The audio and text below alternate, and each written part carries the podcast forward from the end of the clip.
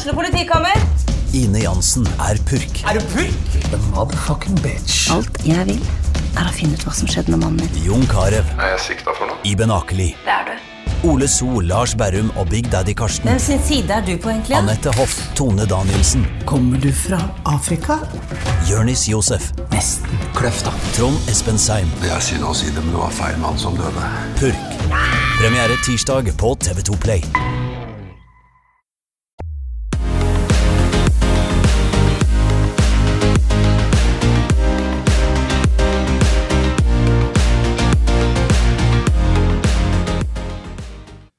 Hva det går, eh, Geir Våge? Jo da, det går bra. Ferdig med ferien og klar for valgkamp. Hva det går, Anita Solli? Ja, samme her. Det har vært en fin sommer, og nå er vi i gang. Ja. Er Fire uker igjen før fasiten ligger. Ja, får vi se når denne episoden kommer ut. Det kan godt hende at det er litt kortere tid, da, men fire uker når vi, når vi snakker i dag.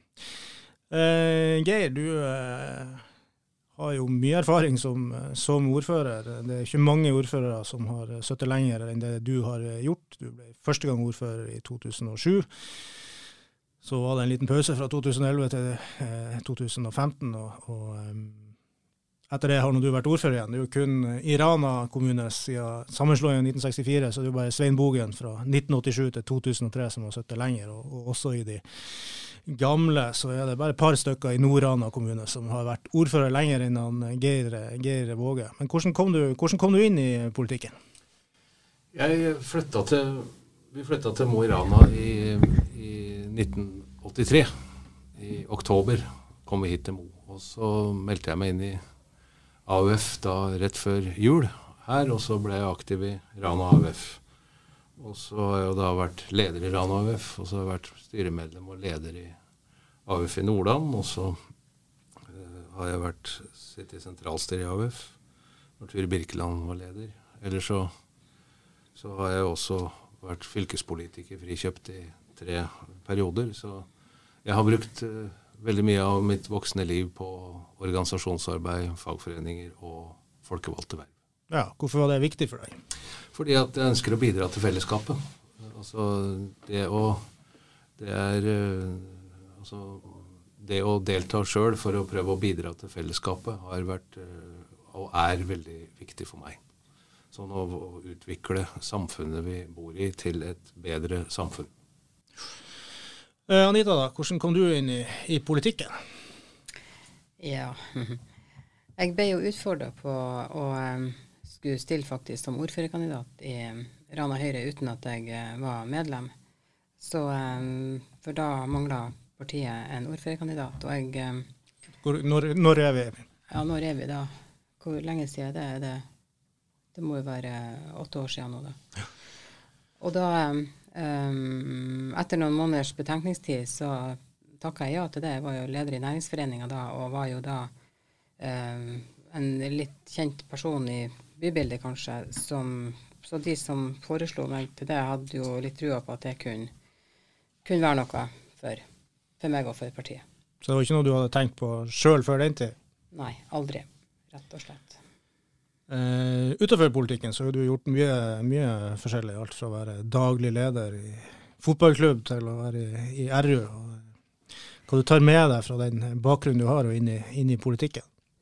Men jeg tenker litt sånn som det han Geir sier, at eh, det å bidra til eh, samfunnet, det er grunnen til at han har vært med i politikken så lenge.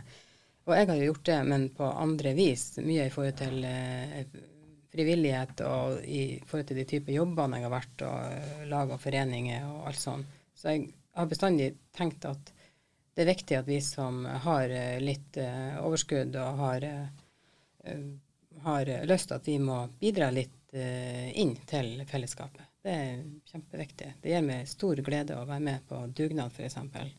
Jeg er så heldig å ha tre voksne barn og har vært veldig ivrig på dugnad og koordinert uh, aksjoner i forhold til både det ene og det andre bestandig, og det har gitt meg veldig stor glede. Eh, Geir, utenfor politikken, hva, hva har du styra med? Ja, det blir jo Har vært veldig mye eh, politikk, organisasjonsarbeid, fagforeningsarbeid. Eh, ellers så, så liker jeg å gå i fjellet. Eh, ta med bikkja gå en tur på tur. Så liker jeg å gå mye på ski og langrenn. konkurrerer ikke med andre enn meg sjøl, men syns at det er gøy. ellers så så beskylder jo mange av kompisene mine meg at jeg kom i vedalderen altfor tidlig. Eh, det, dra i skogen med motorsaga, hogge ved, klive ved, det er, eh, det er sunt kroppsarbeid, men det er også god eh, det er også en god avveksling fra hverdagen. Og det å holde på med veden, det er fantastisk på den måten at da ser du umiddelbart resultater av det du driver med. Så det blir mye på friluftsliv, og, og, det blir mye i forhold til å holde på med veden og sånn. Så Ellers så liker jeg å dra til Kalvatnet og holde på der og styre. Med, både med ved, men også hender at vi får satt noe garn og litt sånn forskjellig. Så, men det er stort sett det jeg prøver å bruke den fritida jeg har eh, til da, sammen med familie og gode venner.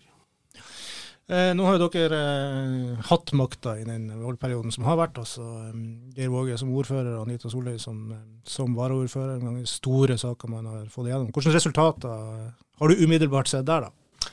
Ja, øh, nå har jeg lyst til å si at øh, politikk handler om å prioritere. Og det handler om å tenke langsiktig og strategisk. Eh, og fra du gjør et vedtak til du har fått gjennomført reguleringsplaner, eller du har fått finansieringsplaner, og til alt har vært på høring, og til, til et bygg eh, eller en institusjon er ferdig, så tar det drøyt to år. Sånn at det er viktig å tenke eh, langsiktig rundt dette. Og jeg oppfatter at vi har hatt et styringsdyktig flertall som har evna å tenke, eh, tenke langsiktig. Vi har jo i denne perioden fått etablert to nye skoler. Det er eh, flerbrukshaller på både Gruben og på Ytteren. Vi har fått landa flyplassen. Vi har fått landa, landa dypvannskaia.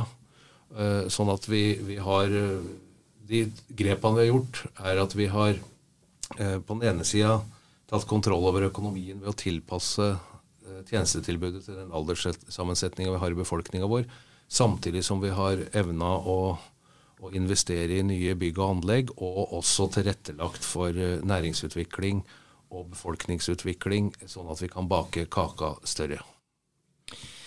Eh, det har jo vært et ganske sånn delt kommunestyre. Ofte 1918, 20 eh, vanlige stemme, stemmetall. Hvordan har det vært å, å styre et sånt kommunestyre? Jeg har lyst til å si at kommunestyret i Rana har, har også mange vi har jo enige mange, mange vedtak hvor vi står sammen f.eks. når det gjelder eh, temaplan for næringsutvikling, det at vi tverrpolitisk er enige om at vår visjon skal være at vi skal være Norges grønne industrihovedstad, og at framtida er fornybar. Det var jo mange eh, saker hvor vi har eh, tverrpolitisk enighet om dette. Og så er det jo sånn da at lokaldemokratiet på mange måter er tufta på uenighet.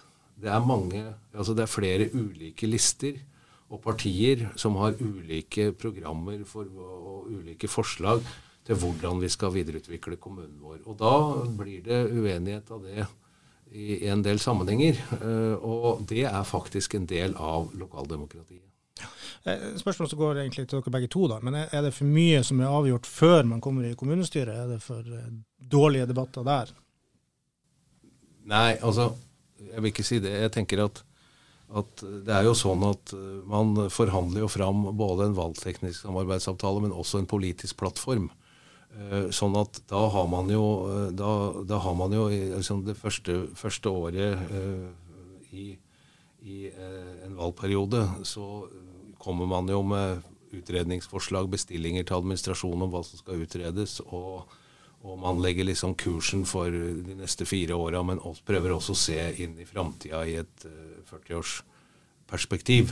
Drøy generasjon eh, framover. Sånn at eh, de, de, viktige politiske prosessene skjer jo når vi eh, leverer inn eh, våre verbalforslag bestillingsforslag, når vi prioriterer i, i, eh, i årsbudsjettet og i økonomiplanen.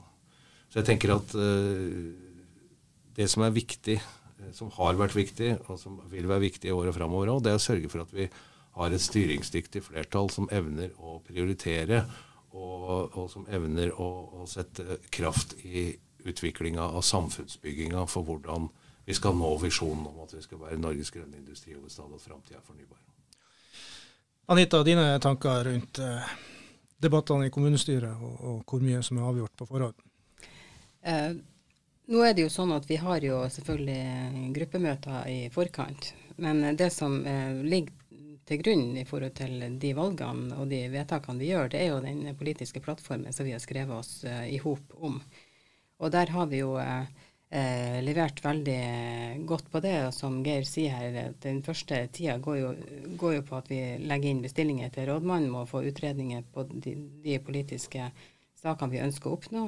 Og der har vi jo eh, eh stort sett levert på det, men vi har jo enkeltting som viser seg at når vi har fått utredninger tilbake, så viser det seg at nei, det her var kanskje ikke så lurt, og da legger vi det til side. Sånn som f.eks. med den piggdekkavgiftsaken som MDG syntes var viktig å ha med, og som vi var helt enig i da. Vi skrev det inn i plattformen, men så viste det seg jo at det var ikke så lurt for det. Og da, er det ikke noe, da legger vi jo det bort. Og jeg vil bare skyte inn at MDG har jo gjort oss uh, veldig bra, og jeg syns det er synd at de ikke er med videre. Uh, Olav Nyjord har gjort en kjempekonstruktiv og bra jobb. Det, det er veldig mm. Og eh, jeg tenker òg at eh, som politiker så handler det for meg om å vil, og det å tørre å utfordre til det beste for Rana-samfunnet. Og der syns jeg at det har vært litt eh, en brå overgang fra eh, livet utenom politikken, for der er det mye kortere beslutningslinjer. Her tar det jo så lang tid med prosesser. Eh, hele veien. Men det er jo helt nødvendig, jeg skjønner jo det. Men uh, for uh, oss utålmodige så, det, så, må vi jo puste dypt uh, innimellom. Og samtidig er det viktig at vi har langlysene på i forhold til det vi ønsker å oppnå på lang sikt. Og at, det her, at, det skal, at alt skal henge i hop med alt. Så jeg tror det er mange som har møtt seg sjøl i, i, døra. At man har tenkt veldig sektor aktiv når man ønsker å gå inn i politikken, og man veldig opptatt av f.eks. med skole. Uh, det ser vi at det var den, en veldig viktig sak. Uh, det er derfor at uh, vi fire ble enige, ble enige, det var jo skolesaken. Og det um, var veldig vanskelig, men veldig rett. og at vi har stått støtt i det, det er, det er jeg veldig glad for at vi gjorde. og, men nå er jo det levert på. Og nå er vi jo enige om at eh, Storforsøya, Skånsteng og Lyngheim står for tur. Det, det må eh, gjøres eh, noe med. Og eh, så jeg er spent på hvordan eh, det blir eh, fremover. Jeg ser ikke for meg at det er så voldsomt store Det var den store, store saken for fire år siden. Jeg ser ikke for meg at vi skal ha en lignende veldig stor og vanskelig sak fra høsten av. Det er mulig at jeg er naiv. Nei, det ser vel kanskje ikke sånn ut eh, her og, og, nå, i hvert fall. Og da er vi jo i den situasjonen at nåværende ordfører og varaordfører, eh, som representanter for to partier som har samarbeida eh, tett i den perioden som har vært, som har stått for en ganske tilsynelatende i hvert fall lik politikk, er de to eneste reelle ordførerkandidatene, sånn som det ser, det ser ut. Jeg, jeg, hører du sier det, Kenneth, men jeg har også lyst til å si at meningsmålinger er meningsmålinger, og valg er valg. Det, det, sånn at jeg tenker at uh, Jeg har hørt deg si det før, Geir, og det har du helt rett i. Og så er det sånn at når du ser en tendens over tid, så, så tør i hvert fall jeg å, å konkludere i den, i den retning. Har, når jeg sier dette, så er det fordi at jeg har stor respekt for at det er eh, innbyggerne våre som velgere som bestemmer denne sammensetningen. Sånn at, eh, at det er derfor jeg alltid sier at meningsmåling er meningsmåling og valg er valg. Fordi at man skal man skal aldri prøve å forskuttere Nei da, vi, vi, skal ikke det. Men, men, men det greit, om du kjøper premisset eller ikke, ja. Eh, hva, hva, er forskjellene? Anita, hvorfor eh, eh, skal folk stemme på deg? Kan de ikke like godt stemme på Geir Våge og Arbeiderpartiet? Høyre står jo for at vi har mer fokus på at enkeltindividet kan få lov å bestemme litt mer sjøl. Og som vi men vi får godt fram i um, programmet vårt, så er det jo det at eh, spesielt innenfor helse og omsorg, så er det viktig at eh, kommunen samarbeider godt med private aktører i tillegg, i forhold til eh, omsorgsboliger f.eks., og det kan være på andre områder som vi er litt mindre redd for privat sektor enn kanskje Arbeiderpartiet er. Og vi er jo helt enig i at det er kommunen som skal ha hendene på rattet og, og, eh, og, og bestemme hvordan det her skal være. Men hvis vi skal klare å levere på tjenester fremover, så er privat og offentlig sektor nødt til å samhandle så godt det lar seg gjøre for å klare å løse de oppgavene. Geir, hva du sier Er det bare å trekke lodd om man skal stemme Høyre eller Arbeiderpartiet? Nei, altså, vi er to uh, partier som går til valg på hvert vårt program over hver vår liste.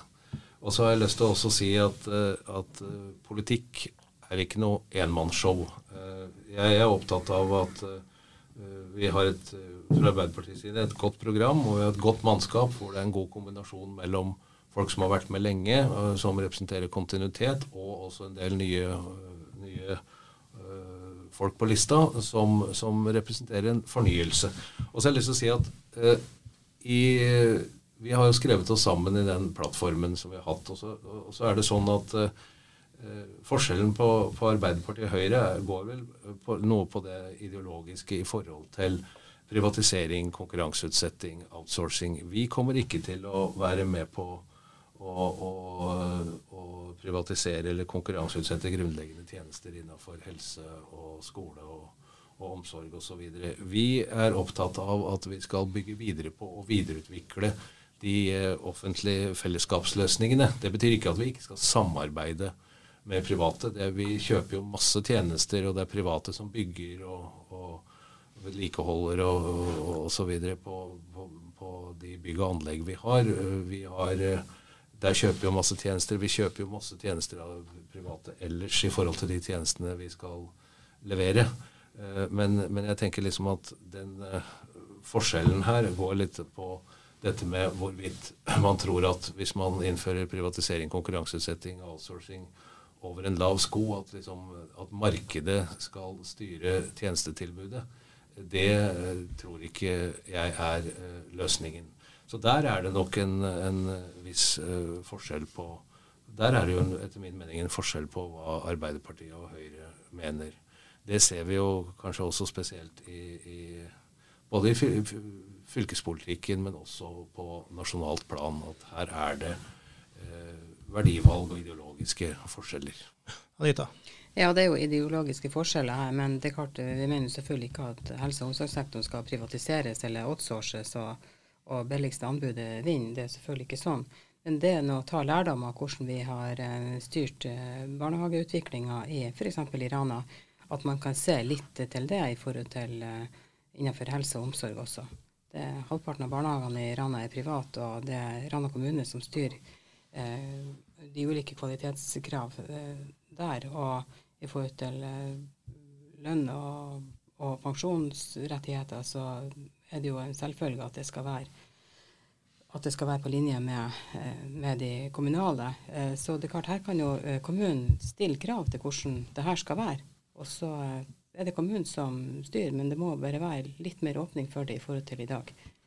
Ja, Er det så farlig, Geir? Jeg har selv hatt unge i private barnehager. Det funker jo bra. Og dere har jo vært med på å privatisere byggdrift, f.eks. Er det så stor forskjell på Byggdrift er ikke privatisert. Byggdrift er et ja da, kommunalt foretak, men, det, men eh, det er ikke en privatisering. Det, det, tenker jeg er viktig å være presis på. Men når det gjelder barnehage, ta dette med barnehage, da, så er det sånn at de barnehagene eh, vi har i Rana som er private, det er jo ikke private selskaper som sitter og tjener penger på dette. Disse private barnehagene er jo egentlig gammeldags kooperative, kooperative løsninger hvor enten foreldre eller flere arbeidsgivere har gått i, sammen for å organisere et tilbud og, og, og, få fram et tilbud, fordi at barnehagedekning, barnehageplass har vært viktig for mange arbeidsgivere, selvfølgelig for å rekruttere og beholde arbeidskraft. Men det vi snakker om med privatisering, det er at hvis vi liksom skal lage, overlate til private å drive øh, sykehjem eller, eller, andre typer omsorgstjenester, så betyr det at for meg så betyr det at da skal jo noen tjene penger på dette. Og det å sitte og regne dekningsbidrag på helse- og sosial- og omsorgssida, det, det, tenker jeg det, det, er forskjell på å produsere velferd og det å produsere armeringsstål, sånn som Celsa gjør, eller ferrosilisium, som, som, som Elkem gjør. Og Det tror jeg vi må skille litt mellom. Og at det er, rett og slett er en forskjell på å produsere, produsere den type ting som skjer i Mo industripark, og det å levere tjenester til befolkninga. Eh, det er selvfølgelig en forskjell, men vi får det til i forhold til barnehage. Så det kan hende at vi kan få det til litt mer innenfor enkelte områder på, i helse og omsorg. Men det er, Rana kommune skal selvfølgelig være Det er kjempeviktig at, de, eh, at en veldig solid eh, helse og kommunal helse og omsorg. Det er selvfølgelig de som skal være førende uh, for det her. Og sykehjemmet er ikke aktuelt. Det er og helse og omsorg eh, leier jo en del eh, private allerede i dag. Vi ser det bare i forhold til vikarbruken som er nødt til å bli gjort for at man klarer ikke å levere nok. Og det er jo private aktører som blir leid inn. Og det er jo ikke eh, Så vi er jo i, i det spenningsfeltet her fra før. Men nå heldigvis så har vi jo en eh, så vi, eh, eh, Nå blir det en ny strategi som blir lagt fram innenfor helse og omsorg i løpet av høsten, så det blir veldig spennende å se. For nå må jo alle steiner snues opp ned for å klare å, at kommunen skal klare å levere gode tjenester til alle den eh, eldrende befolkninga som vi har. Og det ser vi jo at alle kommunene i Norge må gjøre, for at de har ikke sjans med den strukturen som er nå. Men vi er jo selvfølgelig opptatt av akkurat det samme. Kvaliteten og omsorgen skal jo være minst like bra som i dag, og kanskje enda bedre. Eh, vi skal for så vidt komme mer tilbake til, til, helse og omsorg, men eh, er dette en sak som, som, kommer til å vippe samarbeidet? Eh, det er vel ikke mulig å se for seg noe annet enn at Arbeiderpartiet og Høyre skal samarbeide også etter dette valget? Jeg tenker at vi har Det har jeg svart på før i denne valgkampen også, før sommeren, hvor jeg har sagt at jeg syns at den konstellasjonen vi har hatt i Rana, den eh, har eh, levert, og den har fungert, og den har levert på langsiktighet og forutsigbarhet. Det er viktig, og det vil i hvert fall eh, jeg bidra til. Og så er det jo selvfølgelig sånn at nå skal vi ha et, en valgkamp, så skal vi ha et valgresultat, og så skal vi sette oss ned og, og så må vi da sette oss ned og se på hva som blir valgresultatet, og så blir det jo forhandlinger etter dette. Men jeg mener at den konstellasjonen som har vært nå, har eh, levert godt. Og, og, det er mitt utgangspunkt eh, for eh, det som skal skje videre. Anita? Ja, Vi er jo um, helt enig i det. Vi er, står jo helt inne for det vi har vært med, med på i lag, og det er vi stolte over. Eh, og eh, nå har jo de to siste meningsmålingene i år her i Rana har vel vært at Høyre og Arbeiderpartiet hadde over 50 stemmer ikke det? Det var vel deres Jeg har hatt flertall så langt, ja. Ja, ikke sant, så langt. Og så ser vi jo, eh, som det er et lokalvalg, så blir så folk blir jo veldig påvirka av det som foregår nasjonalt. Sånn er det bare. Og eh, der eh, Vi så jo hvor mange år siden var det når eh, Frp plutselig gjorde et kjempebysk i forhold til flyktningkrisen som var og så fikk de, Det var jo sånn som ingen kunne forutse at det kunne skje. Så det er jo mange ting som fortsatt kan skje. Vi ser jo bare mye uro i verden, og noe med Melkøya, du kommer vel inn på det etterpå, som vi ikke vet helt eh, hvordan folk, hvordan saker er det som til 11, frem til 11.9 er det som folk faktisk er mest opptatt av. Det er ikke sikkert det er helse og omsorg som det vi, vi tror frem til nå. Kanskje det skjer ting i verden som gjør at folk endrer syn. Og jeg tror der at eh, Industripartiet er et parti som kommer til å skvette opp i mange byer. Det er jo et nytt parti. De ser jo ut til å gjøre det brukbart på meningsmålinger landet rundt. Det, jeg tenker også Kenneth, i forhold til den situasjonen vi står i, sånn, eh, både med de klimaendringene vi ser, den nye geopolitiske situasjonen med krig i Europa. Eh, vi ser hvordan eh, både klima og krigen Russlands meningsløse folkerettsstridige invasjon av Ukraina, hvordan det påvirker økonomien. Vi ser at vi har fått en økt grad av internasjonalisering og globalisering. Og det er klart at i en sånn situasjon så er det veldig viktig at man politisk, både lokalt, regionalt og nasjonalt, jobber i forhold til å tenke langsiktig eh, og, og tenke strategisk og tenke hvordan vi kan uh, oppnå trygghet for arbeidsplasser, folks sosiale liv og, og det å, å, sikre oss forsvars- og sikkerhetspolitisk i en vanskelig tid. Eh, og da tenker jeg at eh, langsiktighet og forutsigbarhet er eh, krevende å levere på, men det, er, det blir bare viktigere og viktigere i, i, den situasjonen vi står i nå. Ja, og det er vel ikke noe du er uenig i, Anita. Dette er jo ting dere begge har snakka om også, også tidligere. Mm. Uh, en diskusjon som har vokst litt uh, frem den senere tid. Uh, Rana kommune er en kommune som har gått godt økonomisk. Stort sett Man snakker jo ikke om overskudd, men, men har sittet med ja, brukt mindre enn man har fått inn, i hvert fall. da. Sånn at man har kunnet sette av midler til fond som kan brukes da til, til investeringer. Men det, det, er jo enkelte partier da som tar til orde for at nå må man bruke mer på drift og sette mindre av til, til fond. Eh, hvilke tanker gjør du deg om det, Geir? Jo, Det der er jo en, en diskusjon som pågår uh, kontinuerlig. Uh, og jeg har registrert at uh, det er enkelte som har sagt liksom, at vi er for kjipe på drifta, og vi setter for mye penger på bok. og det har jeg lyst til å si at de, det som gjør at Rana kommune har god økonomi, er jo at vi har kontroll over drifta.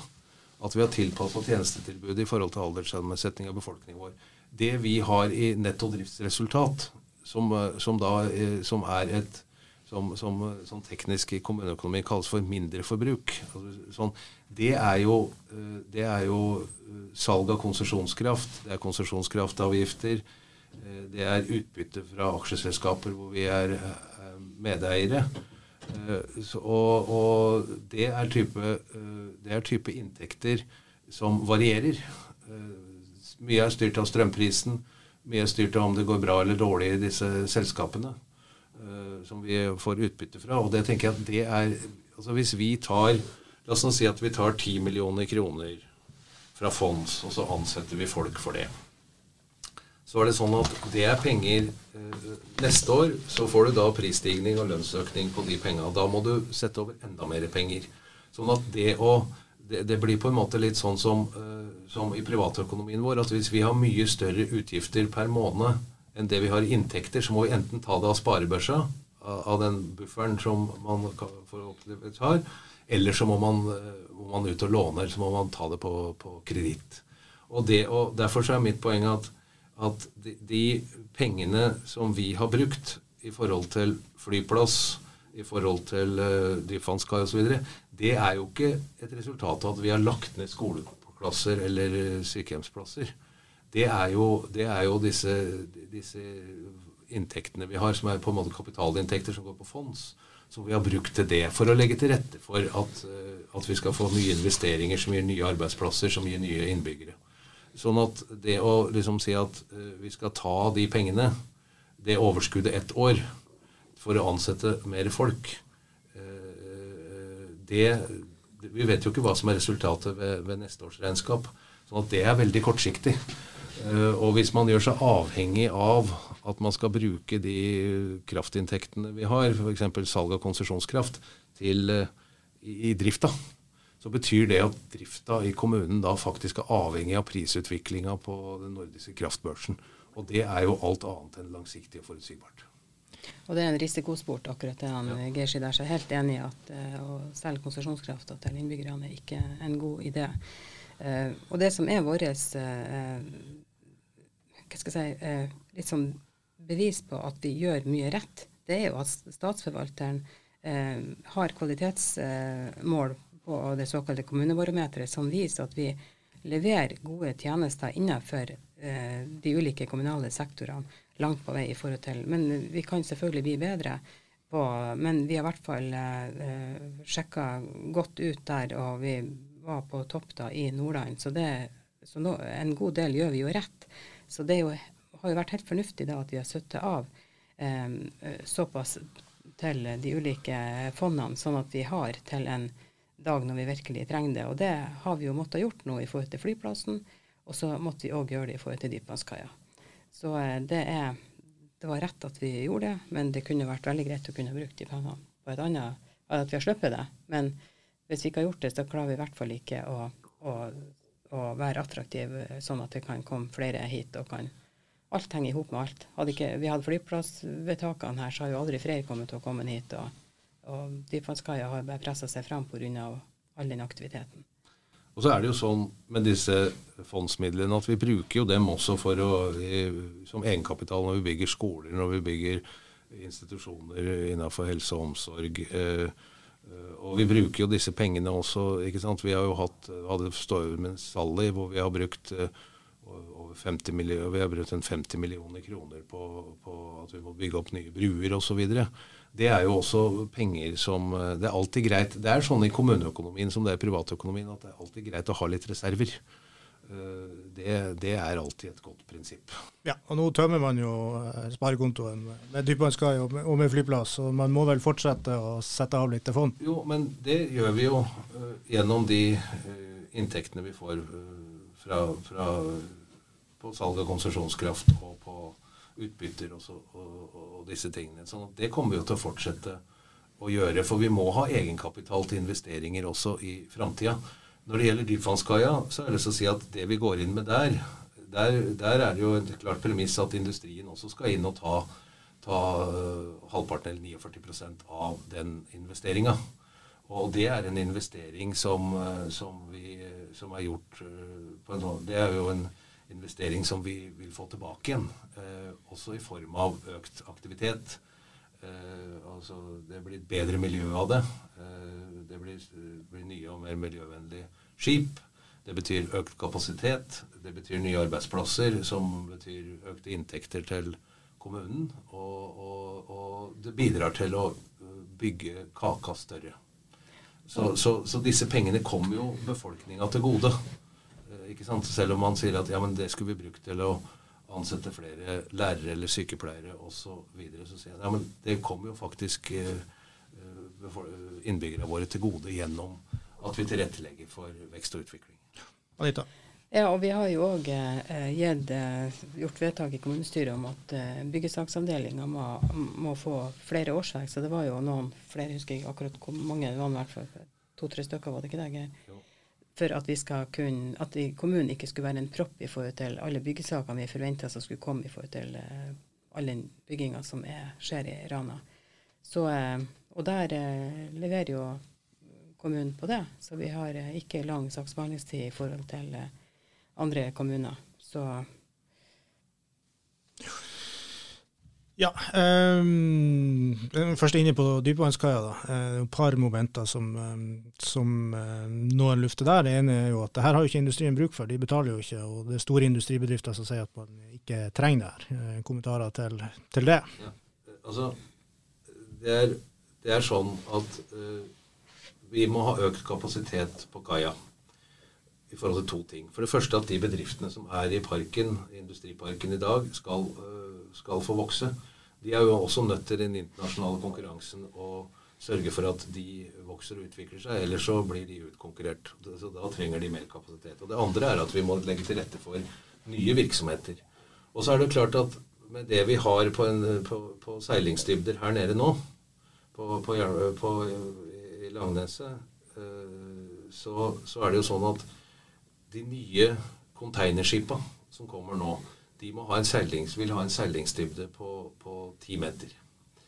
Eh, vi har eh, syv-åtte meter her, her, nede på det. Det betyr at de kan i teorien komme hit, men da kan de laste bare 20% fordi at Ellers så er det ikke dypt nok. Det er ikke miljøvennlig, og det er heller ikke konkurransedyktig å operere øh, på en sånn måte.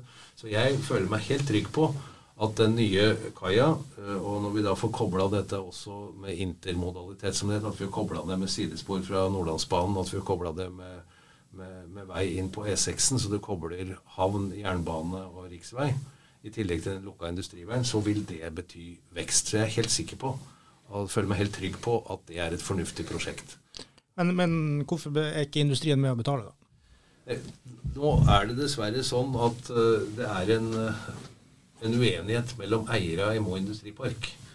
Uh, det er trist å se at vi har den konflikten der. jeg har ikke lyst til å si noe annet enn å bare gjenta det jeg har sagt før, at vi har appellert til, til de eiere i Mo industripark at de må sette seg ned rundt bordet og bli enige seg imellom, og ikke la denne konflikten gå gjennom uh, mange mange rettsinstanser over flere år, det eh, forsinker oss i vekst og utvikling av, av industriparken og vekst og utvikling av Rana-samfunnet.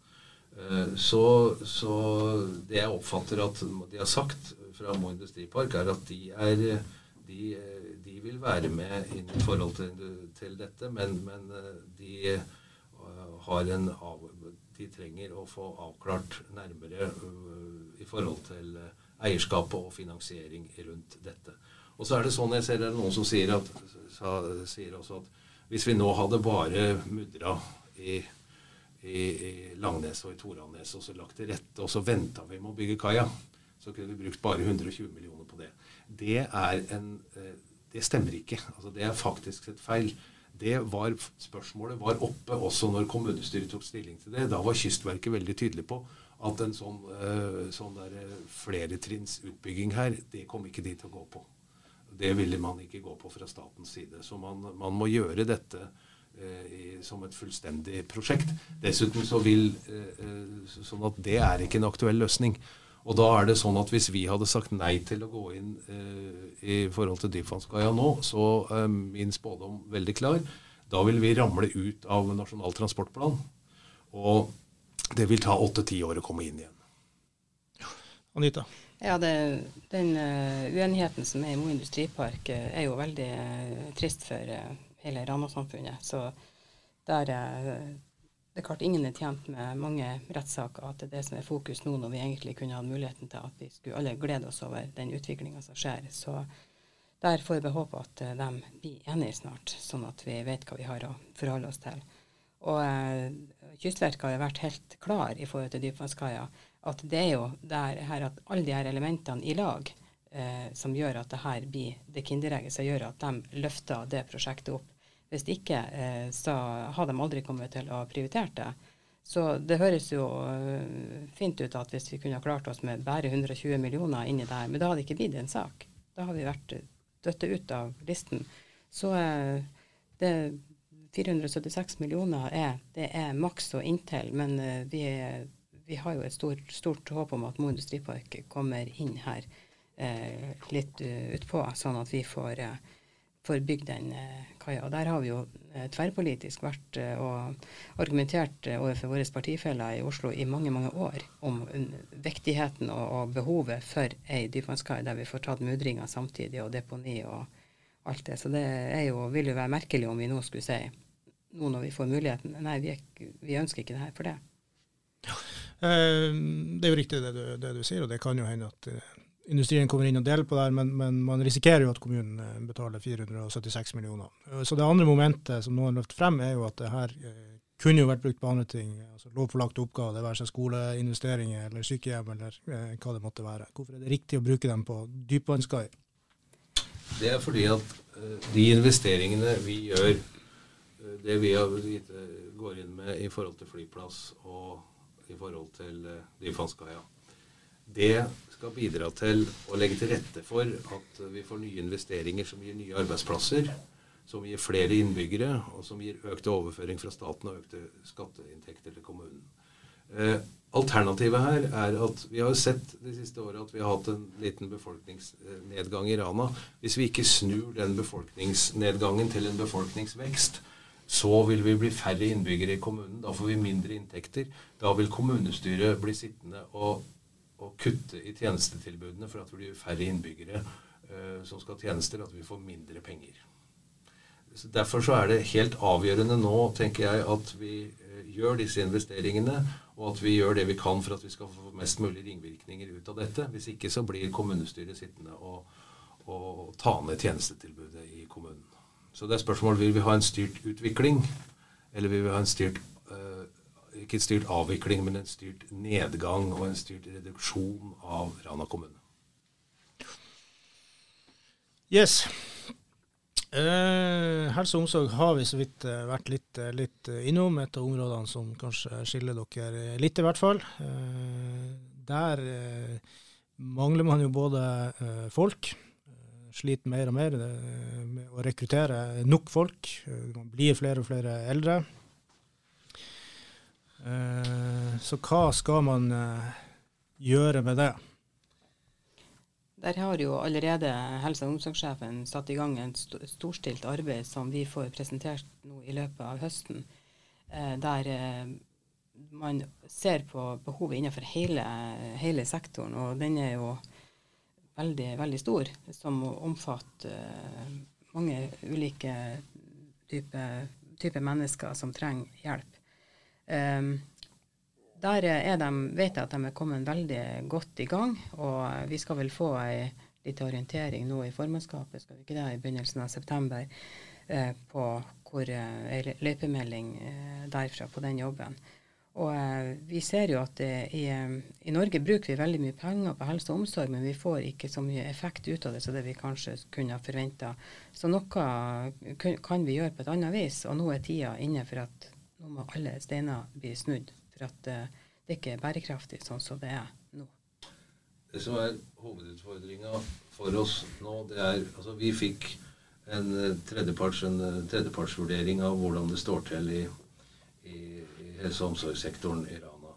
Det, de som gjorde den, der viste det seg at vi, vi har på sykehjemssida så har vi et par prosent større sykehjemsdekning enn landsgjennomsnittet. Samtidig så sa også de som gjorde denne utredninga for oss, og som vurderte sektoren, eh, omsorgssektoren, eh, omsorgssektoren i Rana, så var de tydelige på at det vil ikke være verken investeringsmidler eller driftsmidler eller mulighet til å få tak i, uh, få tak i arbeidskraft til å fortsette uh, med organiseringa og gjennomføringa av helse- og omsorgssektoren sånn som vi gjør i dag.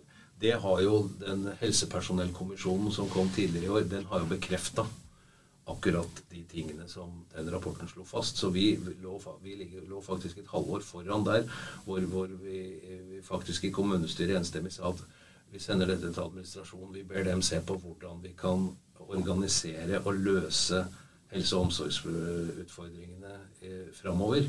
Og det vi har sagt, er jo at vi skal sørge for at vi har en helse- og omsorgssektor som gjør at folk får hjelp den hjelpa de trenger, når de trenger det. Samtidig så må vi legge til rette for at folk kan bo hjemme så lenge som de ønsker det.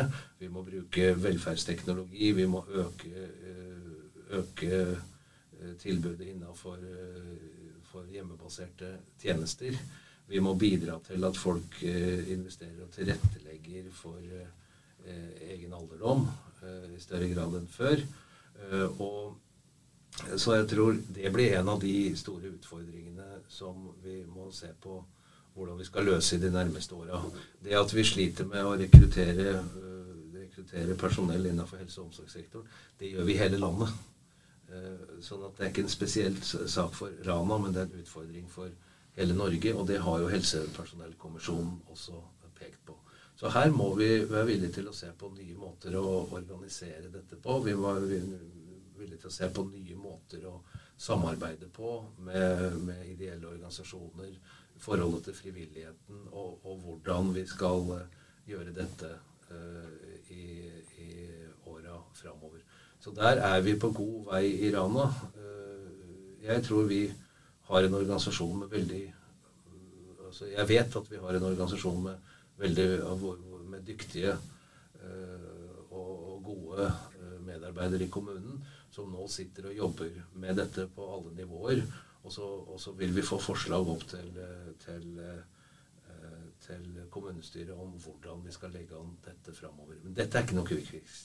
Vi har fastlegeordninga, vi har rekrutteringsutfordringer der også.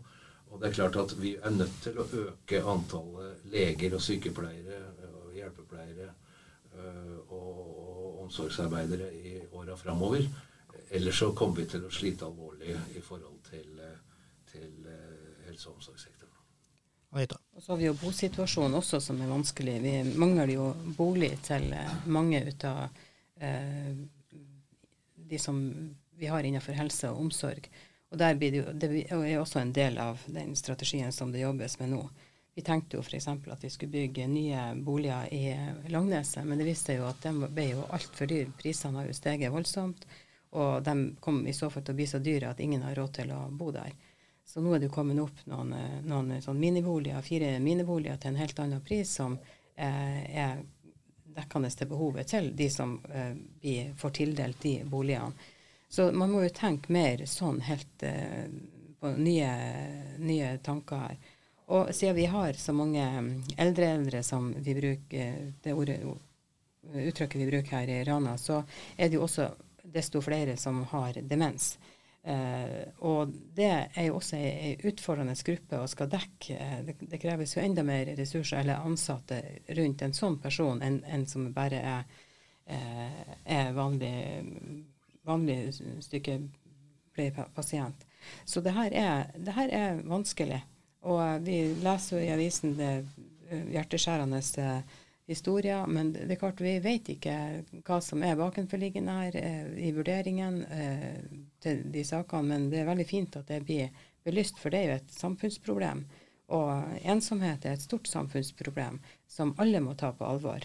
Eh, både kommuner og oss som både pårørende og naboer og alt. Vi, har, vi er nødt til å finne nye måter. Vi kan ikke løse morgendagens utfordringer utelukkende med gårsdagens virkemidler. Det, det har aldri fungert.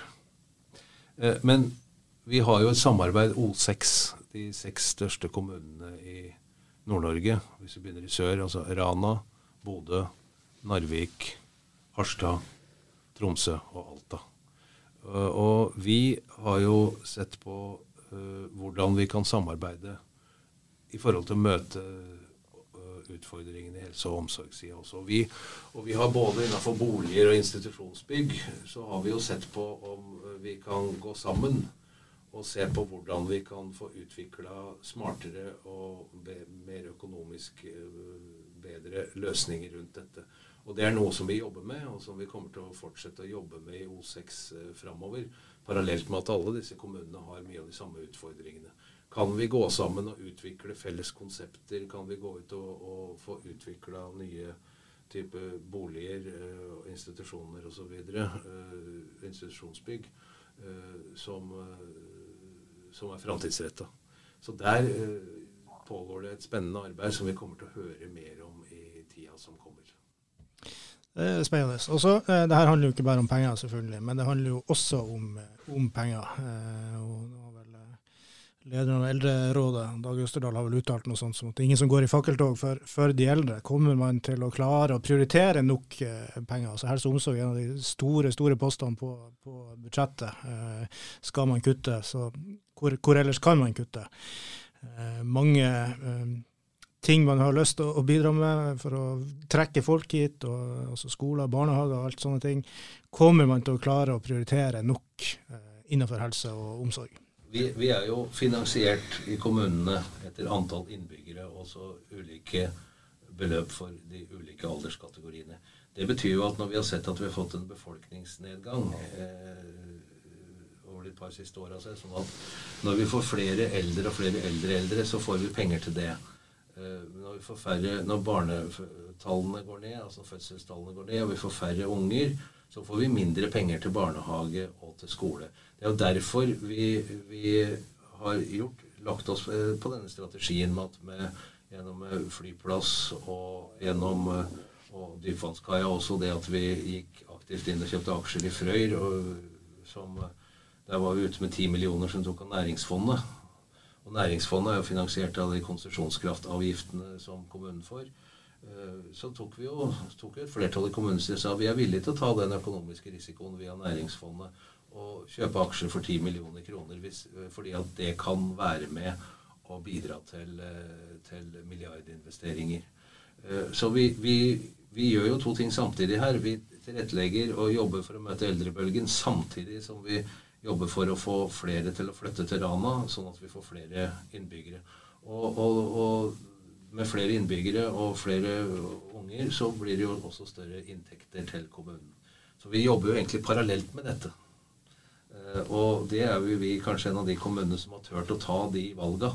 Det er mange kommuner som sliter med den samme utfordringen som oss, at antall eldre og eldre eldre øker, mens, mens, eh, mens eh, da antall unge mennesker og barn, det går ned. Så vi er egentlig stykkprisfinansiert etter alderskategori. Og da, Derfor har vi valgt å gjøre dette løpet og jobbe parallelt med dette. Anita, dine tanker? Ja, og her i forhold til eh, å være attraktiv som kommune, så må kommunen levere gode tjenester innenfor både barnehage, skole, og, og at man har gode eh, tall, at folk trives, at det er gode tjenester vi tilbyr. Og vi ser jo bare for en, en suksess det her med å legge at kommunen var, ga den tomta til eh, studentsamskipnaden og bygde de de studentboligene midt i, midt i, byen. Og nå er det jo en trinn to som er, er, på gang. Og de ble jo støvsugd med en gang. Det ble jo utleid alle boligene med en gang, og det er jo fantastisk. Det viser bare at behovet har vært der, men vi har vel ikke hatt eh, boliger. Og midt i byen. Eh, og det er jo sånne ting som kommunen kan være med og legge føringer for hvor det her skal være, med at vi bidrar med den tomta. Og det samme med at vi har eh, avtale med Universitetet i Tromsø og for å få eh, mest mulig studieplasser her på det som er vi i Rana trenger, og Helgeland trenger. For da, eh, Vi vet jo at der man studerer, det er mange som blir igjen i den kommunen. Ja, men Hvis vi holder oss til helse og omsorg, kommer dere til å klare å prioritere det nok i årene som kommer?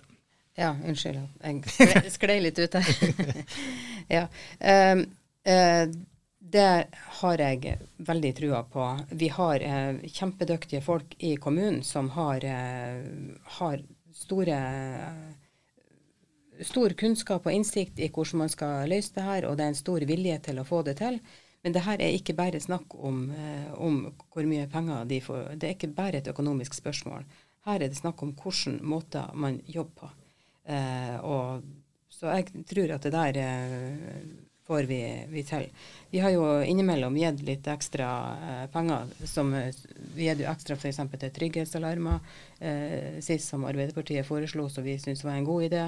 Eh, og med på det digitale løft innenfor helse og omsorg. Men det må jo være det, um, Måten å jobbe på det er jo at det kommer jo fra hver, hver enkelt avdeling hva som er behovet. Og så får vi forelagt et forslag til budsjett der de har lagt inn sine ønsker, og så er det vi som uh, behandle det her eh, til slutt i desember. Det handler om hvordan vi skal organisere framtidas helse- og omsorgstilbud. Det handler om investeringer og drift, men det handler også om en veldig annen viktig ting. Det handler om rekruttering. Det handler om uh, å, rekruttere uh, fagfolk til helse- og omsorgssektoren. Så tror jeg da at vi har, en, har noen fordeler her også, fordi at vi, vi er et samfunn som vi, vi er jo Nord-Norges tredje største by. Eh, det betyr jo med flyplassen og, og, og Frøyr og alt det spennende som skjer på Mono, så tror jeg faktisk at vi har et, eh, et, godt utgangspunkt i forhold til at vi må huske på at når vi skal rekruttere folk hit, så skal vi som regel så kommer det en familie. Og da skal du ikke rekruttere bare til én person, du skal rekruttere til to personer. Og det å rekruttere og tenke å jobbe på tojobbsituasjonen, det er også viktig. Vi har jo også gått foran i Rana når det gjelder rekruttering på den måten at vi er jo den første kommunene i Norge som har signert en samarbeidsavtale med noe som heter IOM, International Organization for Migration, som er en del av FN-systemet. For at vi faktisk også skal kunne jobbe, eh, jobbe sammen med dem eh, internasjonalt i forhold til å se rekruttering eh, i et både, ikke bare et nasjonalt, men også et internasjonalt sammenheng. Anita? Vi vet jo òg at innenfor helse og omsorg så er det mange som går deltid. Eh, og der er det jo gjort, eh, gjort, en god jobb for at man skulle få deltida ned og heltida opp, og stillingsbrøkene opp.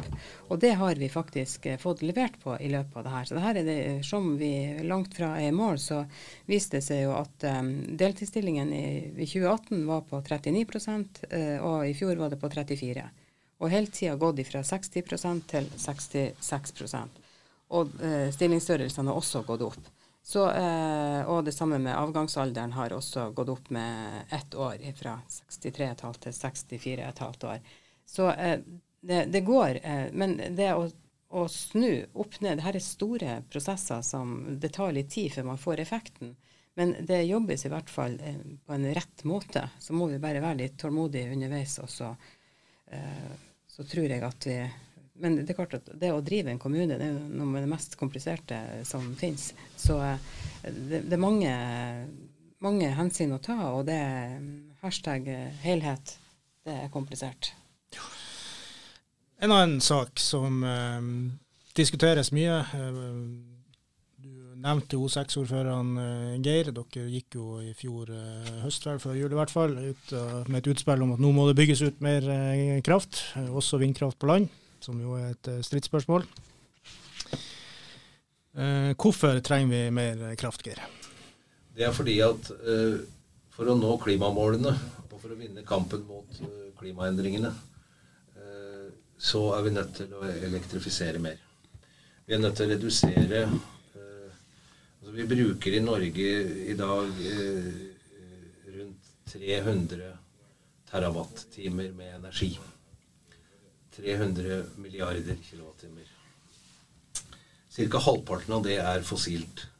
Og resten er altså ca. 150 av det er uh, vann og vind. Så vi er nødt til å bygge ut mer uh, vannkraft, mer vind mer både på land og til havs, og sol. Eh, eh, solkraft. Og eh, fordi at eh, disse analysene som gjøres av fagfolk, eh, de er eh, De viser at vi i, i, løpet av 2026 så vil energioverskuddet, kraftoverskuddet i Norge, være borte. Det gjelder også i forhold til Nord-Norge. Da er vi nødt til å bygge ut mer kraft i Nord-Norge også. Eh, hvis ikke så og, da har jo mer av alt nå, som Energikommisjonen sa, det tror jeg er en grei oppsummering. Eh, det betyr at vi må bygge ut mer fornybar kraft, vi må bygge ut mer nett.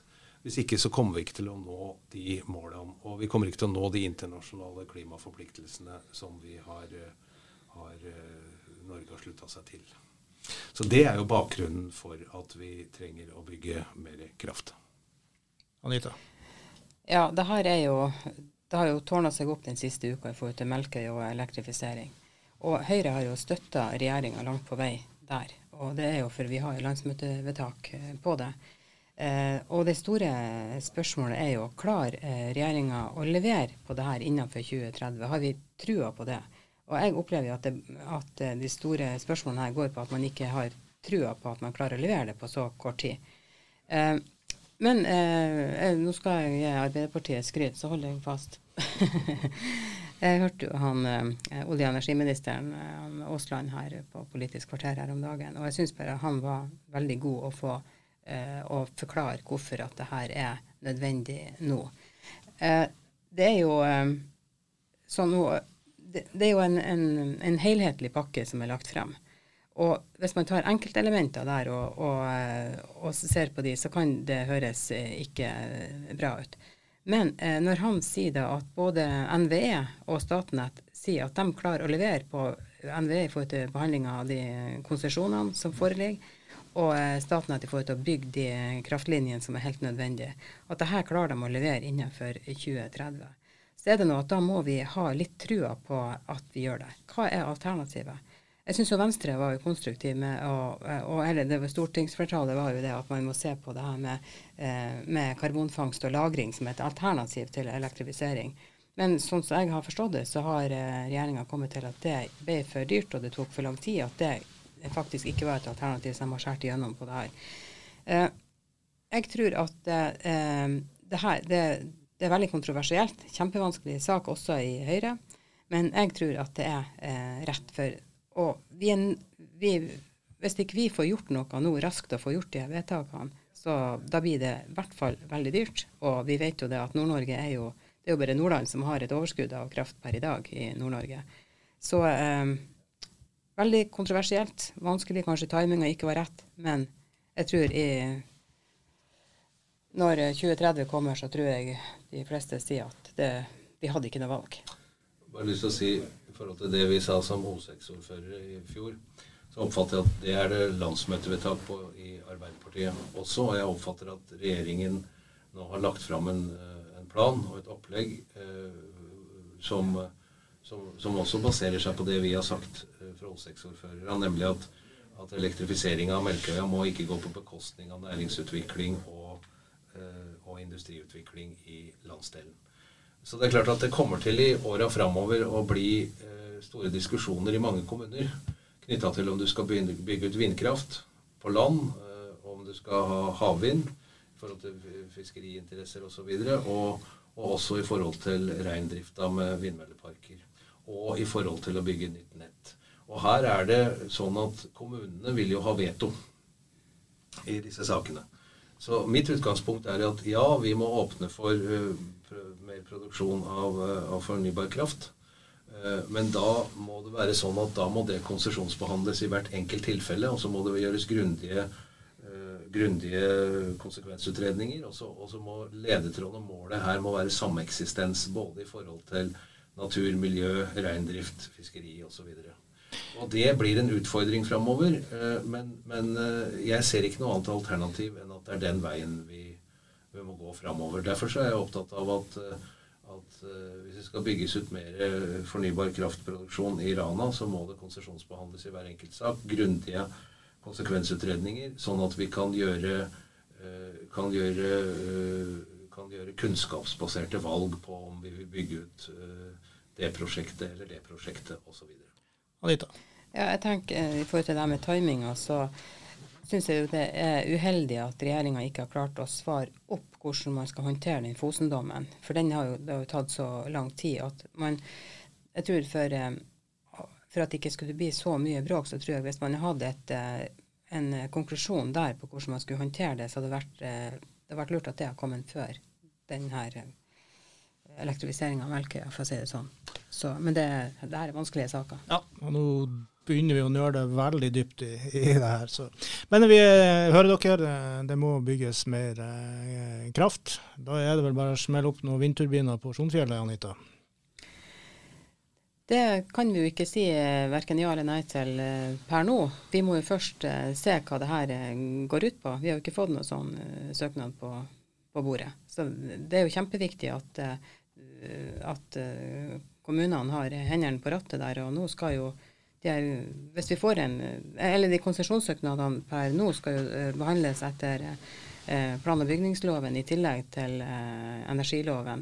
Så det betyr jo at kommunene kan bestemme mer lengre ut i prosessen i løypa, og det er jo en veldig fordel. Så vi kan være positive tidlig, men så kan vi håpe senere hvis det viser seg at Eh, det her får for stor inngripen eh, forhold til det ene eller det andre. Eh, Geir, dere har jo et valgprogram der det samiske står ganske sterkt. altså Ta vare på samisk språk og, og kultur og, og, og, livsstil. Kan man klare å forene det her? Så Man trenger store kraftutbygging i nord. Det, det kommer vel fort til konflikter med samiske interesser. Det er derfor jeg sier at vi, de enkelte prosjektene som kommer, de må behandles. Eh, de må konsesjonsbehandles, og så må du ha grundige konsekvensutredninger. Sånn at vi tar kunnskapsbaserte valg. Og, og, og, og da er det sameksistens som er det som er nøkkelordet på dette. Og det er mulig å få til, tror du? Ja, for jeg ser ikke noe alternativ. Selvfølgelig er vi nødt til å ha konsekvensut gode konsekvensutredninger, og vi må ha gode dialoger uh, med, uh, med reindrifta. Uh, og, og, jeg tror at det er mulig å få til dette. Jeg tror det er mange nå som, som venter spent på, på, hva som blir utfallet av den dialogen som er i forhold til Fosen. Jeg tror det er mange som uh, avventer den situasjonen, og det er viktig at den kommer. Regjeringa varsla at de nå i høst skal komme vil det komme, vil det komme mer rundt det med, med med hvordan Fosen-saken skal løses. Det tar tid, og det, det, er jeg helt enig i at det tar tatt veldig lang tid. Men det tar lang tid fordi at det er en veldig komplisert sak. Men det betyr ikke at den ikke er løsbar.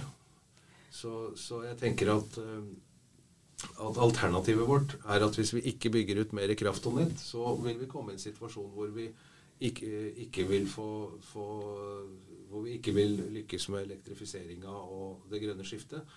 Og vi vil, eh, vi vil også oppleve at, ikke, at, eh, hvis vi ikke produserer mer kraft, så vil kraftprisen også øke.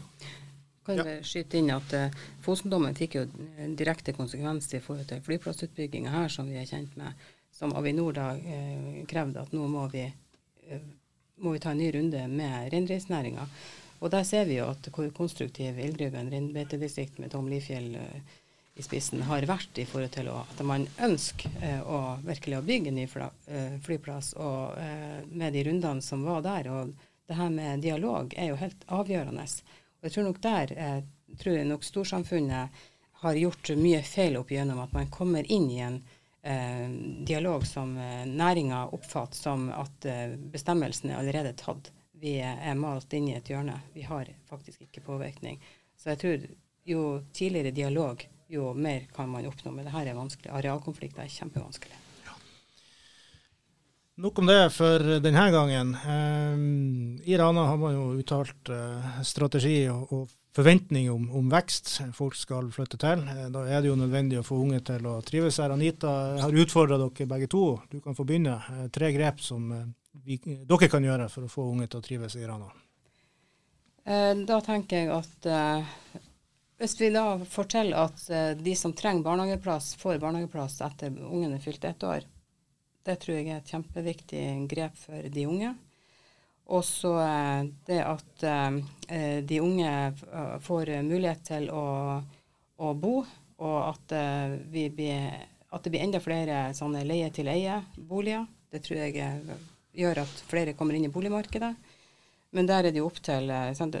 Husbanken er jo det som er verktøyet her for å få kommet lenger på det. og så eh, ja, det er de to tingene jeg eh, tenker. Og eh, ellers er jo de unge veldig opptatt av å ha en god og interessant arbeidsplass. Og det tror jeg det er noe å ta av i Rana i tida som kommer. Geir? Ja, det er barnehagedekning, boliger, er, er avgjørende for dette. Og så tenker jeg også at det er viktig at vi sørger for at vi fortsetter å utvikle utdanningstilbudene innenfor grunnskole, videregående og med universitetene. Og så tenker jeg det er viktig at vi også i forhold til eh, kulturlivet at vi får realisert kulturkvartalet. Og så tenker jeg det er viktig at vi videreutvikler det samarbeidet vi har med idrettslagene gjennom partnerskapsavtalene. Så vi må både se på den eh, altså i forhold til bolig, eh, barnehage, utdanning, men også kulturtilbudet og fritidstilbudet. Det er, det er en miks, det her. Det er, ikke, det er ikke ett svar. Det er en sammensatt pakke vi må jobbe for å få til her. Ja, Det høres dyrt ut, men dere får det sikkert til. Ja, men dette? Vi, vi, vi, vi, løser jo ikke alt dette her i løpet av første halvår neste år. Men vi må, må trekke opp øh, mål, og vi må, må, jobbe strategisk i forhold til at vi skal få dette til. Hvilke saker Geir, tror du kommer til å prege den kommende perioden? da? Det vil være øh, hvordan vi organiserer oss for å møte eldrebølgen. Det vil være å få på plass et barnehagetilbud. Eh, det vil være å få lagd nok boliger. Eh, og, og, og, og så vil det være type, Vi får diskusjoner om arealdisponeringer. Arealkonflikter vil komme opp. Både i forhold til boligbygging, næringsutvikling eh, og fornybar kraftutbygging. Så det kommer til å bli krevende mange krevende prosesser framover eh, rundt disse tingene. Ja. Anita? Jeg tror at uh, i forhold til det som vi tror kommer til å, skje i forhold til dette vekstsjokket, så er det jo en kjensgjerning at uh, vi kan være litt for optimistiske på kort sikt, og, og mens det vi tror som skal skje, at det skjer på kortere tid enn det det faktisk eh, gjør. Jeg tror at eh, det her med timing og når vi skal, eh, skal, jobbe med de Hvilke saker vi skal jobbe med til enhver tid, kommer til å bli krevende når, når, det, når innbyggerne har sånn voldsomt stor forventning til hva kommunen skal levere på. Det tror jeg kan bli en krevende øvelse. Innbyggerne har voldsomt stor forventning til kommunen, til hvis man har et problem som man ikke klarer å løse, så er det gjerne kommunen sitt problem. Det viktigste i forhold til å, dette med veksten er at vi legger til rette her gjennom eh, barnehage, bolig, kulturtilbud osv. i forhold til at vi eh, får eh, best mulig ringvirkninger av flyplass og, og, og batterifabrikk og Dyfanskaia osv. Det, det, er, det er det på den på vekstsida, samtidig som vi i forhold til å ta vare på å videreutvikle tjenestetilbudet for de som allerede bor her, så er jo dette med sko fortsatt skoleutvikling og, og eh, dette med hvordan vi skal organisere og også hvordan vi skal møte utfordringer med eldrebølgen. Så det er egentlig her dreier seg om to ting. Det ene er hvordan vi skal videreutvikle det tjenestetilbudet vi har, samtidig som vi skal legge til rette for vekst, sånn at vi ikke blir en mindre kommune i antall innbyggere. Ja. Da har vi sett inn i, i glasskula òg. Eh, nå er valget over, Anita. Du har blitt eh, ordfører i hvert fall for én dag, og du har flertallet med deg i en eh, valgfri sak. Eh, Hvilke vedtak sørger du for å få gjort i faderlig fart? Eh, jeg kunne ønske at eh, vi kunne gjøre et vedtak om at både alle vi som er med i politikken, skal ønske hverandre vel, og at det skal være mer raushet og mer forståelse for hverandre. Jeg tror eh, mye ut av denne eh, bitinga, spesielt i sosiale medier, er veldig uheldig. Det blir en politikerforakt, og eh, folk eh, skygger banen. Og til slutt så er det nesten ingen som ønsker å være politikere, og det er ikke heldig. Jeg kunne ønske at eh, vi iranere skal klare å være stolte ranværinger som tar imot alle de nye som kommer, om det er flyktninger eller folk som skal jobbe på Freyr eller alt mulig. At vi tar dem imot med, med raushet og forståelse. At vi skal være eh, gode naboer og som at de har lyst til at de blir her. At vi inkluderer dem i hverdagslivene våre. Eh, du, uansett hvor du, kommer ifra. For vi kan godt bli mer rausere og snillere, alle og enhver. Det er vel ord å ta med seg for noen eh, hver. Eh, Geir, du har jo mer erfaring enn de fleste, men eh, vær å være med allikevel på tankeeksperimentet. Du er ordfører for en dag, flertallet er med deg. Hvilke vedtak sørger du for å få gjort? Jeg tenker at eh, eh, det som er utfordringa vår Altså det er ma mange som er veldig optimistiske, og så er det mange som er veldig pessimistiske. Sånn at uh, det jeg egentlig uh, tenker at det, Et av de grepene hvordan et sånt vedtak skal utformes, det har jeg ikke tenkt Det har jeg ikke her og nå.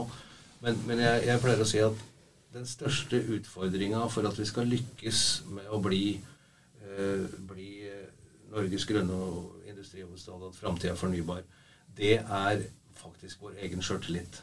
Sånn at uh, jeg tenker at vi uh, gjennom, uh, gjennom den, det samarbeidet vi har, altså den frivillige strategien som vi nå holder på å jobbe med, den, det å få et enda bedre samarbeid mellom frivillige lag og organisasjoner, kulturlivet, idretten og kommunen på hvordan vi sammen kan bygge opp om eh, den visjonen vår om at vi skal være Norges grønne industrihovedstad og framtida fornybar. Så det å rett og slett eh, lage en sånn eh, Legge til rette for at vi faktisk lager en egen lager en egen markering, en egen temadag, hvor vi inviterer inn frivillige lag, organisasjoner, næringsforeninga, fagbevegelsen, industrien, til å sette oss ned og se på, på hvordan vi faktisk skal jobbe enda bedre for at vi skal nå visjonen vår om at vi skal være Norges grønne industrihovedstad og framtida fornybar. Det får bli bortimot eh, siste ord. Jeg takker dere for eh, oppmøtet her i dag, Geir og Anita, og lykke til i det kommende valget. Takk. Takk for det.